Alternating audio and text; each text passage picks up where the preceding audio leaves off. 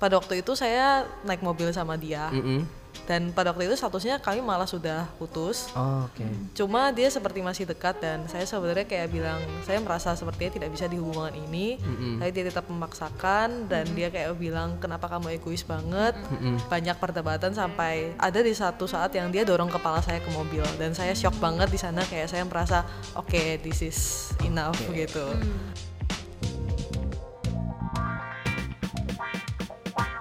Disko, diskusi psikologi. Halo Warriors, ketemu lagi sama Kevin di podcast Disco, diskusi psikologi, persembahan Into the Light Indonesia. Hapus stigma, peduli sesama, sayangi jiwa. Warriors, kalian ngerasa gak sih belakangan ini banyak banget kasus abusive relationship? Atau kekerasan dalam hubungan yang dibahas atau ketahuan dari sosial media. Tapi untungnya, seiring berjalannya waktu, sebagian besar netizen sudah mulai sadar nih tentang bahaya abusive relationship. Ini karena eh, beberapa korban juga mulai berani membuka diri tentang abusive relationship yang mereka alami di sosial media. Para korban ini berani membuka diri dengan harapan agar tidak ada lagi yang terjebak dalam abusive relationship tanpa menyadarinya. Karena biasanya nih, abusive relationship atau hubungan asmara yang disertai tindak kekerasan itu sering ter, sering kali tidak terlihat dan eh, karena kadang nggak langsung nih ya melibatkan kekerasan fisik makanya para korban pun sering tidak menyadari orang-orang yang terlibat dalam hubungan yang abusive baik itu korban ataupun pelaku sering kali nggak sadar akan eh, seberapa besar dampak kerusakan yang mungkin eh, dapat ditimbulkan dari eh, efek kekerasan itu sendiri. Nah, efek dari kekerasannya ini bisa sampai mempengaruhi kualitas kehidupan dan karakter seseorang individu loh, eh, warriors. Makanya, di podcast kali ini kita akan membahas tentang abusive relationship. Kita udah kedatangan seorang eh, psikolog nih. Oke, eh, di sini ada Kapingkan. Halo Kak. Halo Kevin. Apa kabar nih Kak? Baik. Oke, Warriors, Kapingkan ini adalah eh, seorang psikolog yang menjadi dosen di salah satu universitas swasta, benar ya Kak? Benar. Terus juga eh, Kapingkan adalah founder dari komunitas Cinta Setara, benar Kak? Iya juga sih. Oke. Mm. Terus tadi eh, juga jadi apa Kak? Eh, praktek, praktek di di salah satu klinik di Dharma Wangsa. Oke, selain Kapingkan, di sini juga udah ada seorang survivor dari abusive relationship yang berhasil keluar dan bersedia untuk menuturkan kisahnya dan berbagi pengalaman berjuang dalam menghadapi abusive relationship ini nih. Di sini ada Meryl. Hai Meryl, halo Kevin apa kabarnya nih? baik kok Oke, Meryl eh, saat ini masih tercatat sebagai mahasiswa ya Mm-mm. di salah satu universitas di Jakarta. Nah, langsung aja nih kita mulai. Kita tanya-tanya Meryl. Meryl, kapan sih tepatnya kamu mengalami atau berada di suatu hubungan yang abusive? Em, pada waktu itu pas waktu masih SMA sih Pas masih SMA ya? iya Oke, eh, kalau boleh diceritain apa aja tuh eh, kejadian yang waktu itu kamu alamin? kejadian yang pada waktu itu aku alamin adalah pasangan aku ini cukup cemburuan Mm-mm. jadi kayak aku sangat dilarang untuk em, berhubungan dengan lawan jenis seperti chatting ngobrol Oh, Oke. pada saat itu juga kan ada kayak pertemuan misalnya nih anak cewek ketemu sama anak cowok bareng-bareng main gitu kan sama teman-teman tapi di waktu itu aku sangat dilarang dengan berbagai macam alasan dan ditakut-takutin kalau teman-teman kamu tuh tidak baik sebenarnya cowok tuh jahat dan Mm-mm. gak cuma itu tapi cara berpakaian pun aku juga dikritik Oh oke. Terus eh, waktu lagi ada di fase abusive itu nih, biasanya apa sih yang kamu lakuin ketika misalnya pacar kamu lagi seperti yang tadi udah disebutin gitu?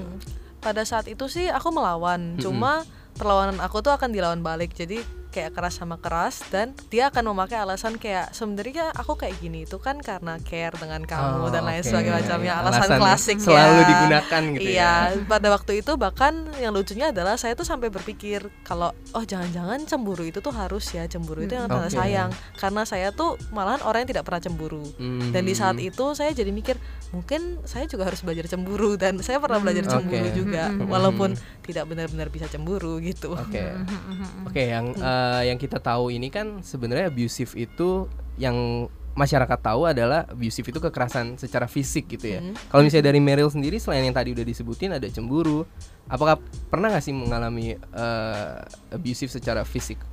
pernah tapi pada waktu itu itu kayak batasan saya gitu Oh, Oke. jadi memang pada waktu itu saya naik mobil sama dia Mm-mm. Dan pada waktu itu statusnya kami malah sudah putus Oh, oke. cuma dia seperti masih dekat dan saya sebenarnya kayak bilang saya merasa sepertinya tidak bisa di hubungan ini Mm-mm. tapi dia tetap memaksakan dan dia kayak bilang kenapa kamu egois banget Mm-mm. banyak perdebatan sampai ada di satu saat yang dia dorong kepala saya ke mobil dan saya shock banget di sana kayak saya merasa oke this is enough Oke. gitu Ah, itulah akhirnya gitu ya. Iya. Terus kalau misalnya eh, boleh tahu nih gimana sampai akhirnya berhasil eh, melepaskan diri dari hubungan yang abusive itu? melepaskan diri dari hubungan abusive hmm, jujur tuh cukup susah ya Mm-mm. pada waktu itu karena hubungannya emang agak lama dan saya dibikin bergantung dengan dia karena dia menghancurkan self esteem saya juga dan kesannya saya hanya mendapatkan self esteem tuh dari dia. Oke. kayak misalnya dia suka menjatuhkan saya tidak memajukan saya tapi di beberapa sisi saya cuma mendapatkan kasih sayang juga dari dia. Oke. dan juga mendapatkan perhatian doang dari dia. Tidak Mm-mm, hanya itu tapi kan dia mengekang saya dari lingkungan. Jadi saya cuma dapat dari dia emang pada waktu itu butuh kayak keberanian sih dan pada waktu itu memang putusnya secara tidak baik-baik bisa dibilang. Oke. jujur tentu aja pas pertama putus tuh malah ada rasa kangen Mm-mm. head love-nya tinggi banget gitu Iya, kan iya. kayak kadang inget yang kesel tapi kadang inget yang senang banget itu malah ekstrim banget perasaannya Mm-mm. naik turun emang harus tegas sama diri sendiri dan belajar sayang sama diri sendiri sih di waktu itu Oke. Nah tadi eh, Warriors kita udah ngobrol-ngobrol bareng Meryl. Sekarang kita akan nanya langsung nih ke Kak Pinkan. Mm-mm. Oke kak, sebenarnya jenis-jenis kekerasan yang bisa terjadi dalam suatu hubungan tuh ada apa aja sih kak? Jadi yang tadi udah dibilang sama Kevin, orang biasanya berpikir kekerasan itu adalah kekerasan fisik Mm-mm. ya. Jadi kayak mukul, nendang atau yang dialamin Meryl tadi eh, semacam kepalanya didorong, Didorong. ke arah Mm-mm. mobil gitu. Itu memang salah satu contohnya itu ada kekerasan fisik. Yang kedua juga ada kekerasan psikologis. Oke. Kayak apa bentuknya? Bentuknya misalnya melecehkan, maksudnya merendahkan gitu. Hmm. Misalnya eh, bilang kayak kamu nih perempuan gak bener atau kamu laki-laki masa gitu kayak gitu.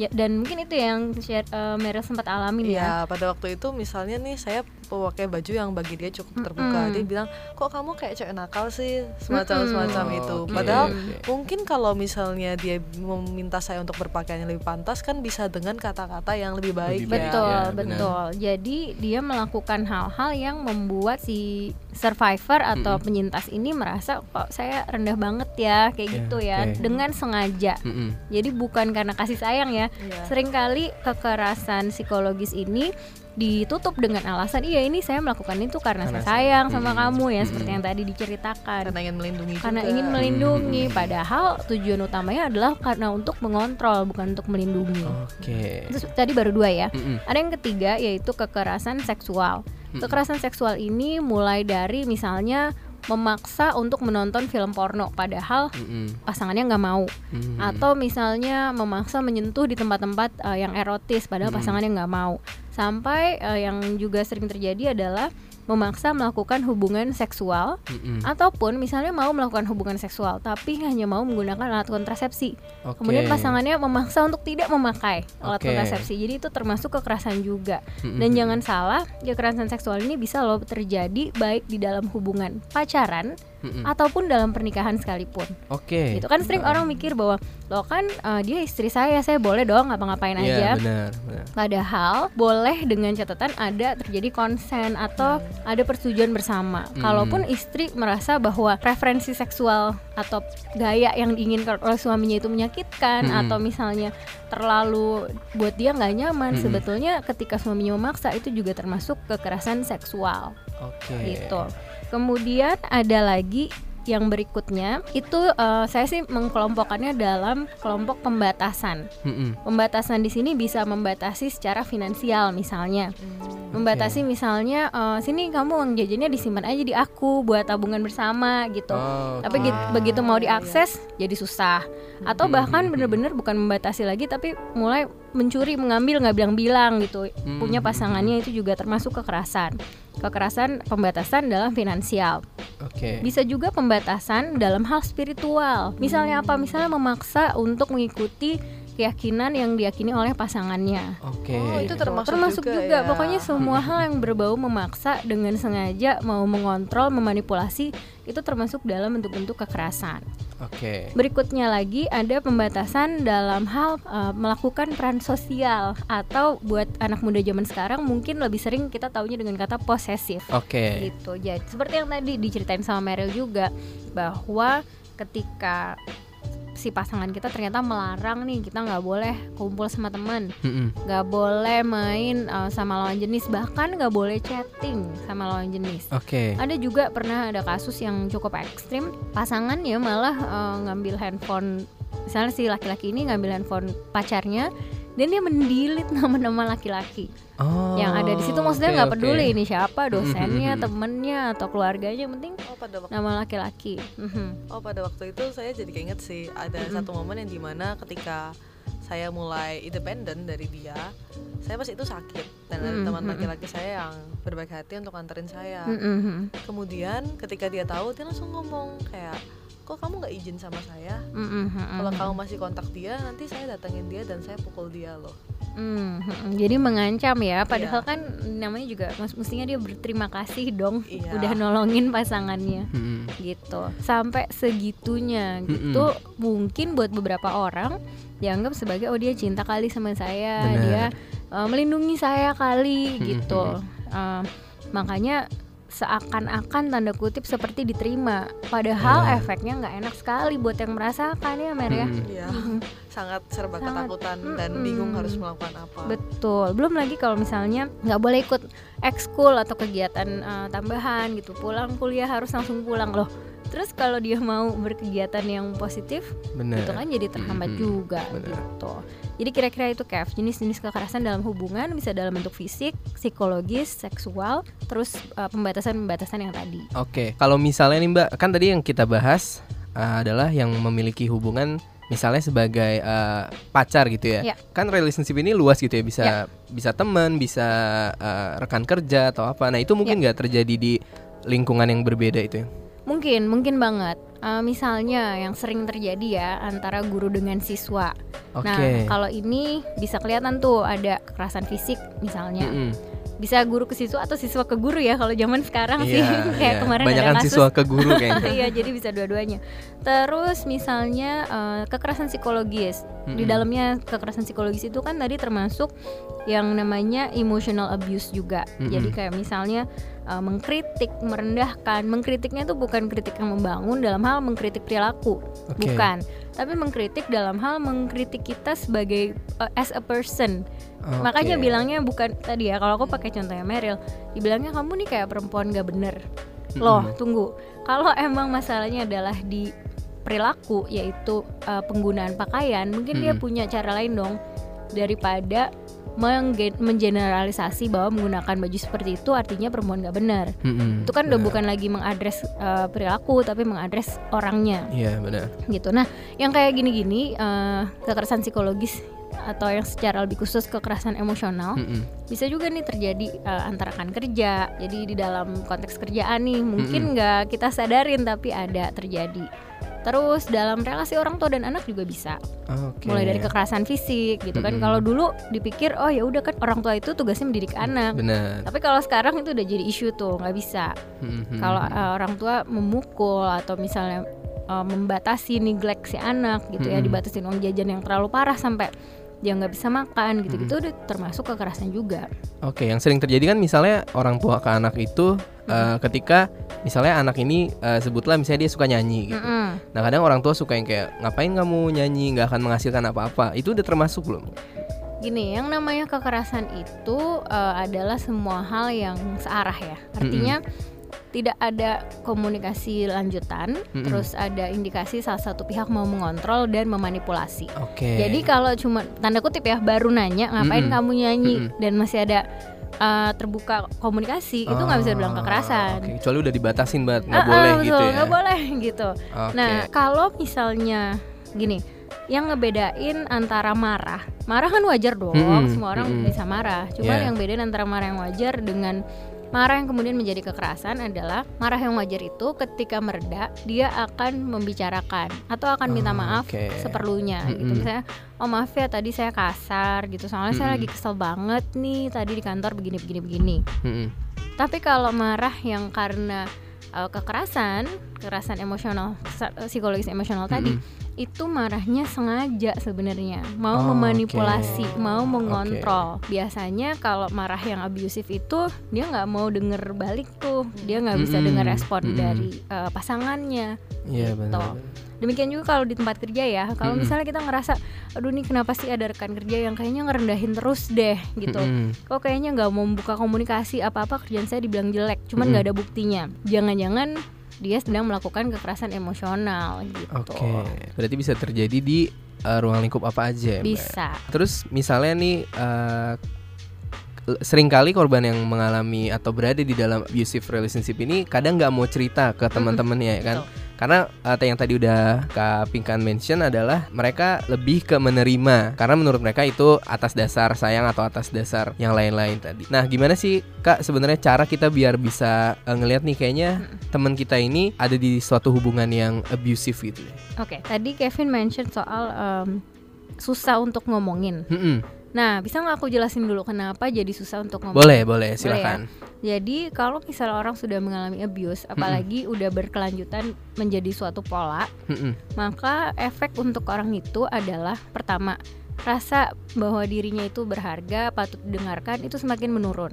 Oke. Atau menurut kata Meryl tadi self esteem jadi kena. Jadi rasanya Hmm. kayak saya nggak berharga, saya nggak patut didengerin, saya nggak Hmm. patut dicintain gitu. Belum lagi bisa tercipta yang namanya eh, relasi yang codependent. Oke. Nah, di situ artinya sudah terlanjur menggantungkan rasa berharga itu ke pasangan. Mm-mm. Kan akses-akses tadi kan ditutup Mm-mm. sehingga dia jadi menggantungkannya cuma ke pasangan aja. Pasangan tuh udah berhasil lah dia memanipulasi akhirnya. Jadi Oke. cuman ngeliat ke si abuser aja Mm-mm. gitu. Makanya jadi susah nih untuk ngomongin kalau Oh, misalnya oke. eh, saya mengalami ini gitu. Mm-mm. Di satu sisi mungkin ada perasaan bersalah karena kayak mengkhianati orang yang dia cintai. Mm-mm. Padahal ya jelas-jelas emang dia butuh sih ngomong Hmm, gitu. Tapi kita perlu memahami eh, dari konteks si survivor ini emang sulit, nggak mudah Oke. gitu untuk ngomongin. Nah lanjut ke pertanyaan Kevin. Jadi dari mana sih kita bisa tahu kalau teman kita mengalami ya? Iya. Mungkin nanti eh, Meryl juga bisa nambahin. Mm-mm. Yang pertama yang jelas yang eh, kita lihat tanda kekerasan fisik. Mm-mm. Nah, Tentu itu ada luka di badan. Oke. Misal tiba-tiba nih temen jadi suka pakai kacamata hitam nih ke kelas.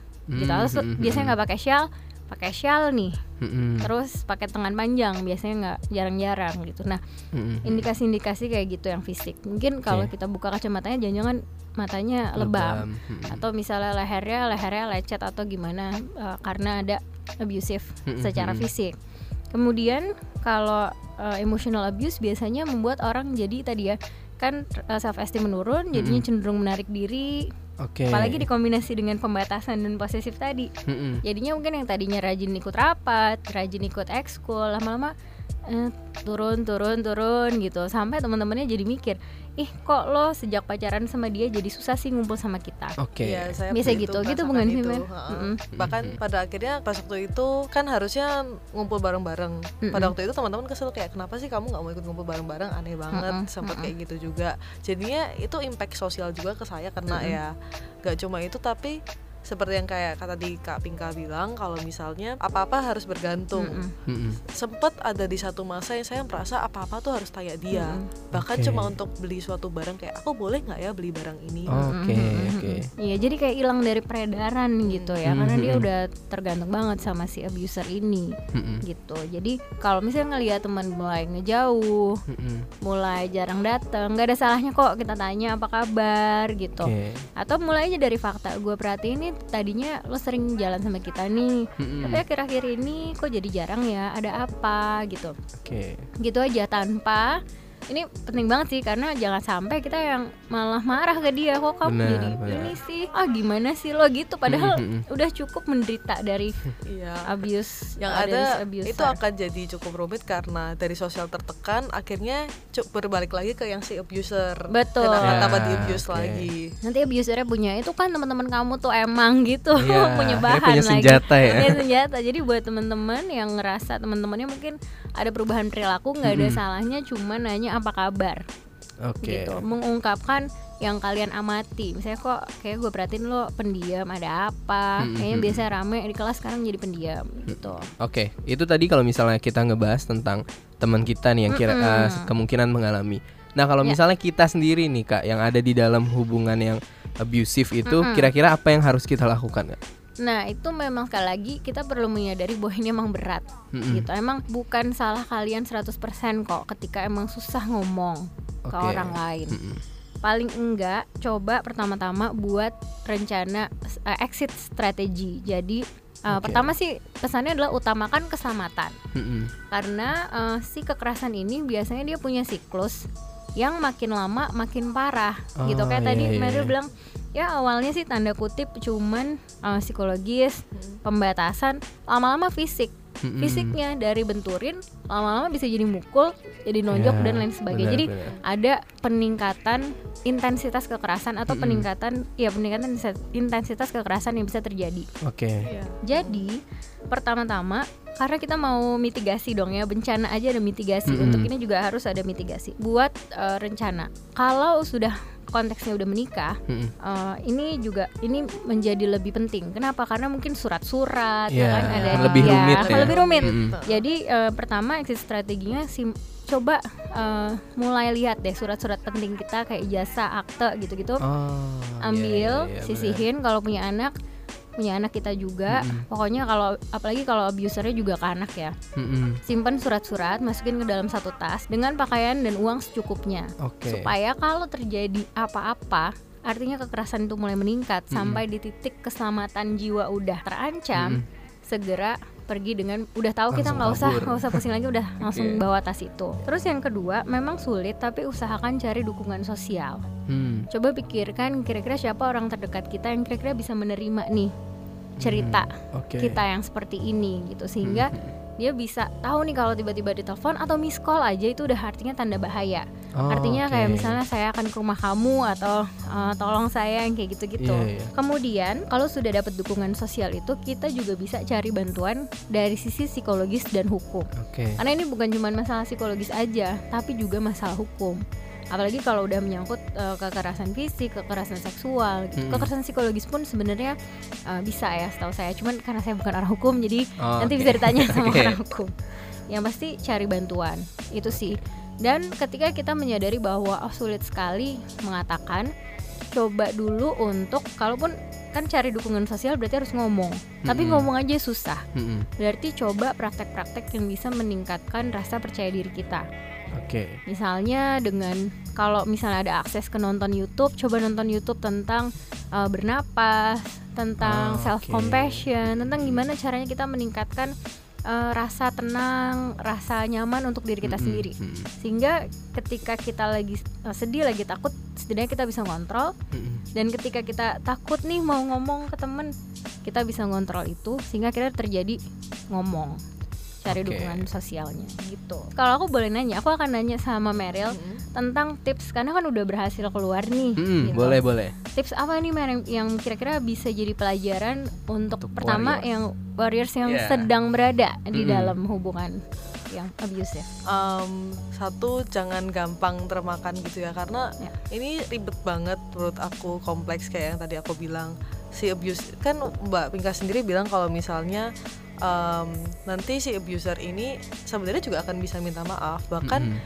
yang sering aku lihat adalah nggak cuma aku tapi beberapa orang yang terkena abuse yang cukup lama biasa yang pengabuser ini adalah orang yang bisa cukup pandai merayu dan manis gitu Benar loh benar. kayak "Oh, ya aku minta maaf aku nggak akan melakukan Mhm. lagi aku tuh sebenarnya karena sayang banget sama kamu aku takut Mhm. kehilangan kamu akhirnya luluh juga orangnya Ya, kayak gitu kan Sering kali gitu ya. nah terus yang sering saya lihat siklusnya habis kayak gitu nanti dia cerita ke temennya gitu Hmm. kan habis cerita ke temennya temennya awal-awal mungkin kayak nggak apa-apa dan tapi awal-awal si sosial ini juga enek sama dia kan dan Mm-mm. sosialnya juga akan meninggalkan dia dan ditinggalkanlah dia sama si abuser Ya, benar. sampai ya akan seperti itu dan gak tahu akan di titik mana yang mungkin merasa ini udah enough atau Mm-mm. malah tambah down itu kita nggak tahu kalau Mm-mm. misalnya sampai dia malah tambah down itu kan parah jujur di waktu itu tuh karena saya akhirnya mulai mencari tahu dan saya mulai baca Oh, soalnya saya oke. mulai mempertanyakan diri kayak apakah benar saya selalu salah?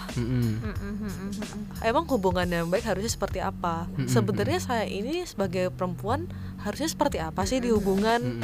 mulai mencari tahu dari sana sih baca web baca jurnal baca buku. Sampai akhirnya saya merasa oh sepertinya yang dia lakukan tidak benar deh. Ah, oke, dan oke. harusnya bukannya hubungan tuh cukup bisa independen tapi juga sebenarnya bisa juga bersama gitu ya. Mulai dari membaca sungguh-sungguhnya kalau saya Jadi mencari informasi ya, Iya. Ya. Uh, sebelum akhirnya oke udah ngomong sih, tapi belum berani benar-benar untuk keluar gitu. Oke itu ide yang bagus sih mencari informasi dan juga nambahin informasi tentang si uh, kekerasan dalam relasi ini. Seringkali seperti kata Meryl, itu tuh ada siklusnya bisa kita tebak. Mm-mm. Jadi mulai dari peningkatan tension. Misalnya ada masalah kayak tadi ya, misalnya ada pemicunya dulu nih. Misalnya kamu kok pulang dianterin sama siapa nih gitu. Iya. Habis itu terjadilah meledak kekerasannya. Misalnya Oke. kemudian dia bentak, dia katain atau dia manipulasi sampai kita merasa jadi kita yang salah. Padahal Hmm, bener. enggak gitu. Seringkali kan gitu ya manipulasi. Terus setelah itu nanti masuk ke masa honeymoon Hmm. gitu karena dia akan minta maaf mungkin Oh, wah minta oke. maafnya drama banget gitu ya. oh sangat jadi sehingga di sini eh, si survivor merasa oh iya dia beneran menyesal kali ya gitu. Ya benar. tapi ingat itu nggak terjadi sekali itu akan terjadi berkali-kali Mhm. gitu sampai di masa honeymoon ini sebenarnya si survivor juga melakukan denial gitu. Mm-mm. padahal kan kalau kita dari orang luar bisa melihat oh ini udah terjadi berkali-kali. Jadi Iya. most likely itu akan berulang lagi kecuali ada perubahan pola komunikasi dan ada awareness tentang ini apa sih yang terjadi kayak gitu. Gitu. Jadi perlu teman-teman uh, warriors juga pahami bahwa kalau sekali itu mungkin emang nggak sengaja. Iya, atau ada ya, dari luar tapi kalau udah dua kali patut dicurigai itu ya. sudah tidak pan eh, sekalipun tidak pantas tapi kalau dua kali itu udah pola namanya Oke. Atau Gitu. eh, tadi aku sempat dengar dari Meryl kalau bahwa dia membatasi Mm-mm. membatasi gitu tuh. Betul. Kak. Jadi kayak oke ketika dia udah main fisik di situlah end-nya gitu. Betul. Atau mungkin itu bisa bisa digunakan gitu Kak. Kayak kayak batasnya adalah ketika dia mulai ngomong kasar nih gitu. Oke, bisa. Mm-mm. Ini buat yang belum berarti ya, bu- Mm-mm. buat yang belum berada di dalam hubungan yang abusive. Iya. Jadi sangat baik sekali kalau dalam hubungan yang sehat itu kita buat yang namanya boundaries Oke. atau batasan yang jelas tentang hu- pertama hubungan kita ini apa sih namanya. Gitu. Jadi menurut saya kalau misalnya hubungan nggak ada namanya, Mm-mm. tapi mereka yang satu bisa menuntut yang lain itu juga termasuk kekerasan psikologis Benar, gitu benar. nggak ada status tapi menuntut Iya, gitu kan. benar, benar. Jadi Termasuk. misalnya tidak ada status tapi untuk untuk romansa itu maksud kekerasan. ya, termasuk apalagi kalau alasannya uh, misalnya memaksa lebih ke seksual gitu ya Mm-mm. jadi kan dibujuk bujuk bujuk bujuk awalnya nggak mau nanya dulu ini kita apa tapi lama-lama jadi mau itu juga termasuk kekerasan kenapa karena Oke. itu kan bentuk manipulasi Hmm. nggak mau memberikan tanggung jawab Iya, benar. gitu kalau misalnya ada statusnya oh kita pacar ya udah pacar ini buat apa sih gitu Oke. ada ada tanggung jawab yang lebih lah Mm-mm. ketika uh, si hubungan ini ada statusnya Hmm. tapi kalau udah hubungan yang nggak ada status terus dia merasa berhak atau membuat seolah-olah dia berhak nah itu kan udah mulai masuk kekerasan psikologis tuh Iya, benar. gitu jadi yang pertama buatlah boundaries atau batasan yang jelas kita Mm. ini apa uh, dan apa yang diharapkan dalam hubungan Oke. nah dalam relasi yang sehat jadi kita switch ya nih ngomongin Mm. relasi yang sehat sekarang Mm-mm. dalam relasi yang sehat itu ada kesetaraan. Artinya, memang ini eh, ide yang sangat bagus, cuman sangat kadang-kadang sulit, apalagi di Indonesia. Karena harusnya si laki-laki dan perempuan yang menjalani hubungan ini punya relasi yang setara. Jadi nggak ada yang merasa lebih powerful daripada yang lain gitu. Iya. Mungkin powerful tapi dalam bidang yang berbeda-beda, sehingga akhirnya mereka saling mendukung Ah, gitu. ha, Misalnya eh, dalam keputusan soal, ini yang yang contoh yang receh-receh aja ya Mm-mm. dalam keputusan mau makan apa mungkin si perempuannya keputusan mau nonton apa mungkin laki-lakinya tapi Oh, mereka oke. berbagi di situ Iya, iya, nggak iya. semuanya ditentukan oleh laki-laki atau perempuannya Mm-mm. gitu jadi dua-duanya punya suara dan dalam kondisi itu baik ketika dua-duanya mengungkap kira-kira harapan saya apa sih dalam hubungan ini? Hmm, harapan kamu Iya, apa iya, sih? iya. gitu. Jadi ada Oke. agreement juga gitu ya. Betul Hmm. betul. Jadi kayak kita mau bikin MOU gitulah tanda kutip. Jadi ada hak dan kewajiban setiap eh, peser- apa namanya setiap pihak yang terlibat.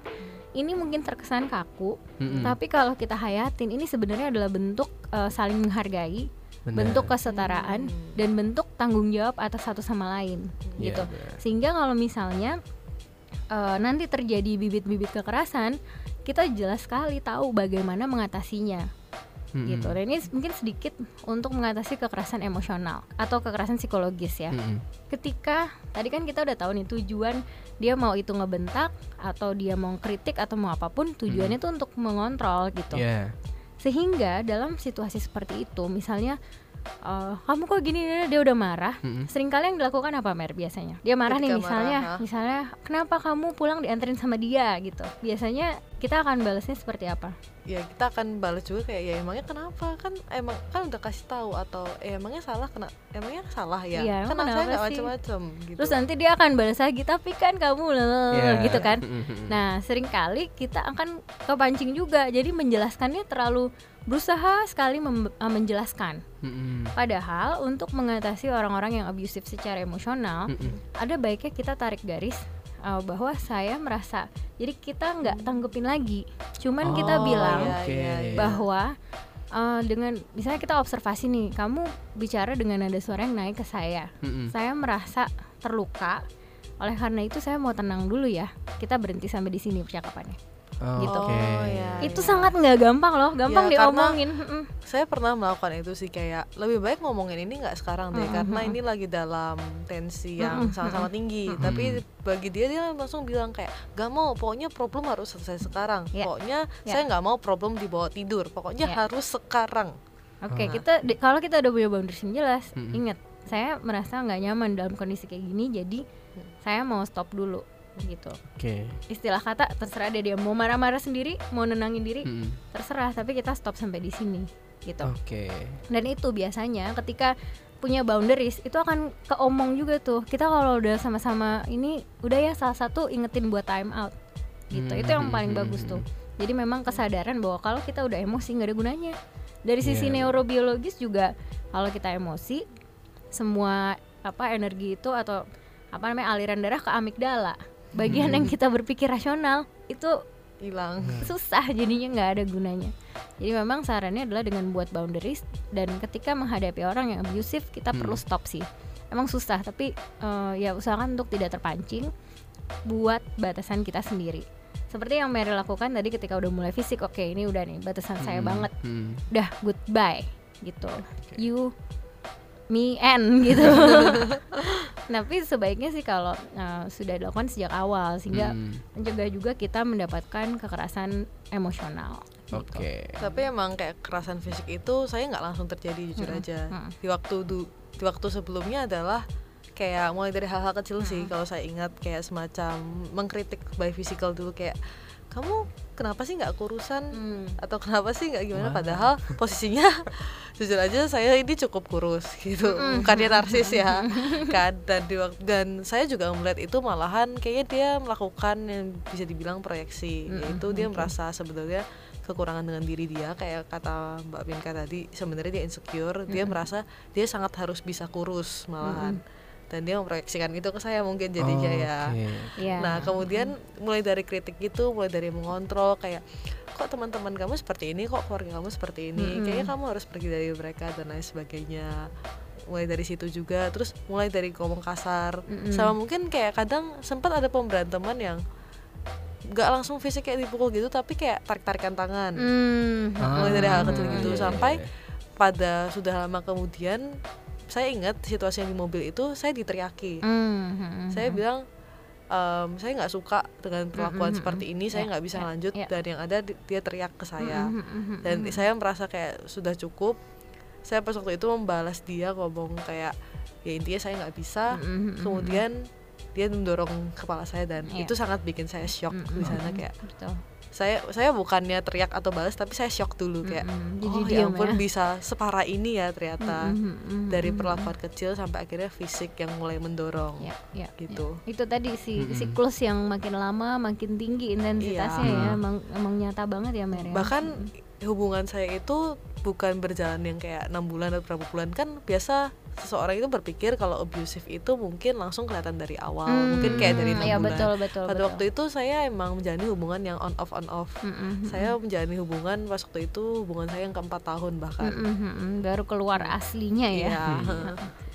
memang sih menarik sih memang sulit ditebak Hmm. biasanya sih kita bisa eh, lihat apakah orang itu cenderung abusive atau enggak misalnya dari sejarah keluarganya gitu Hmm. apakah dia mengalami juga terus apakah dia dengan orang lain tuh kasar atau enggak kayak gitu Hmm. apakah dia sesimpel kalau nyetir terus macet dia banting ini enggak setirnya dipukul gitu Oh. atau misalnya maki-maki Mm-mm. jalanan Berarti kalau misalnya dia kasar ke objek terdekatnya itu bisa termasuk juga. bisa menjadi tanda-tanda nih. Saya nggak Oh, bilang pasti ya, oh, iya, tapi iya, bisa iya. meningkatkan eh, kesadaran kita Mhm. nih. Bisa kita bisa lebih hati-hati gitu karena Oke.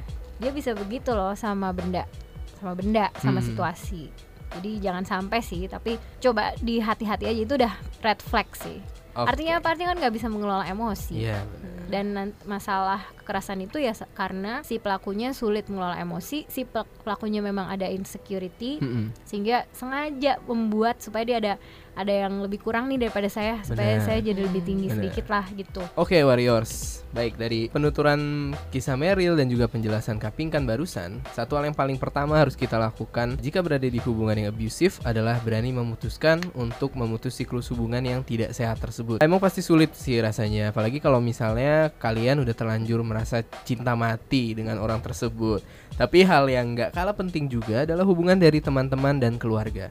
Carilah dukungan dari orang-orang yang memang menghargai kamu. Dan jangan pernah merasa sendirian karena sejatinya bukan cuma kamu aja yang mengalami kejadian seperti ini. Ada banyak orang juga mengalami kejadian seperti itu. Nah, kalau mereka aja bisa keluar dan sembuh dari trauma, maka kalian juga pasti bisa.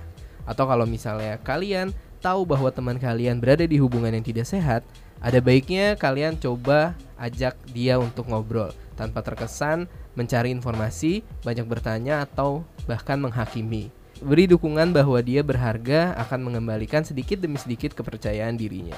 Dan semoga mereka-mereka korban di luar sana menyadari dan memiliki keberanian untuk menyudahi hubungan yang abusive. Baiklah, kalau gitu. Terima kasih untuk Kapingkan dan juga Meryl sama-sama Kev sama-sama yang udah uh, bersedia nih cerita berbagi pengalaman dan juga pengetahuannya. Dan juga untuk uh, kalian-kalian yang mendownload dan juga mendengarkan podcast ini, semoga dengan mendengarkan podcast ini kalian bisa membantu menghapus stigma di masyarakat, lebih peduli terhadap orang-orang di lingkungan sekitarmu, dan tentunya jangan lupa untuk selalu menyayangi jiwa kamu sendiri. Sampai ketemu lagi di podcast berikutnya. Don't forget to be happy and live to the fullest. Bye bye.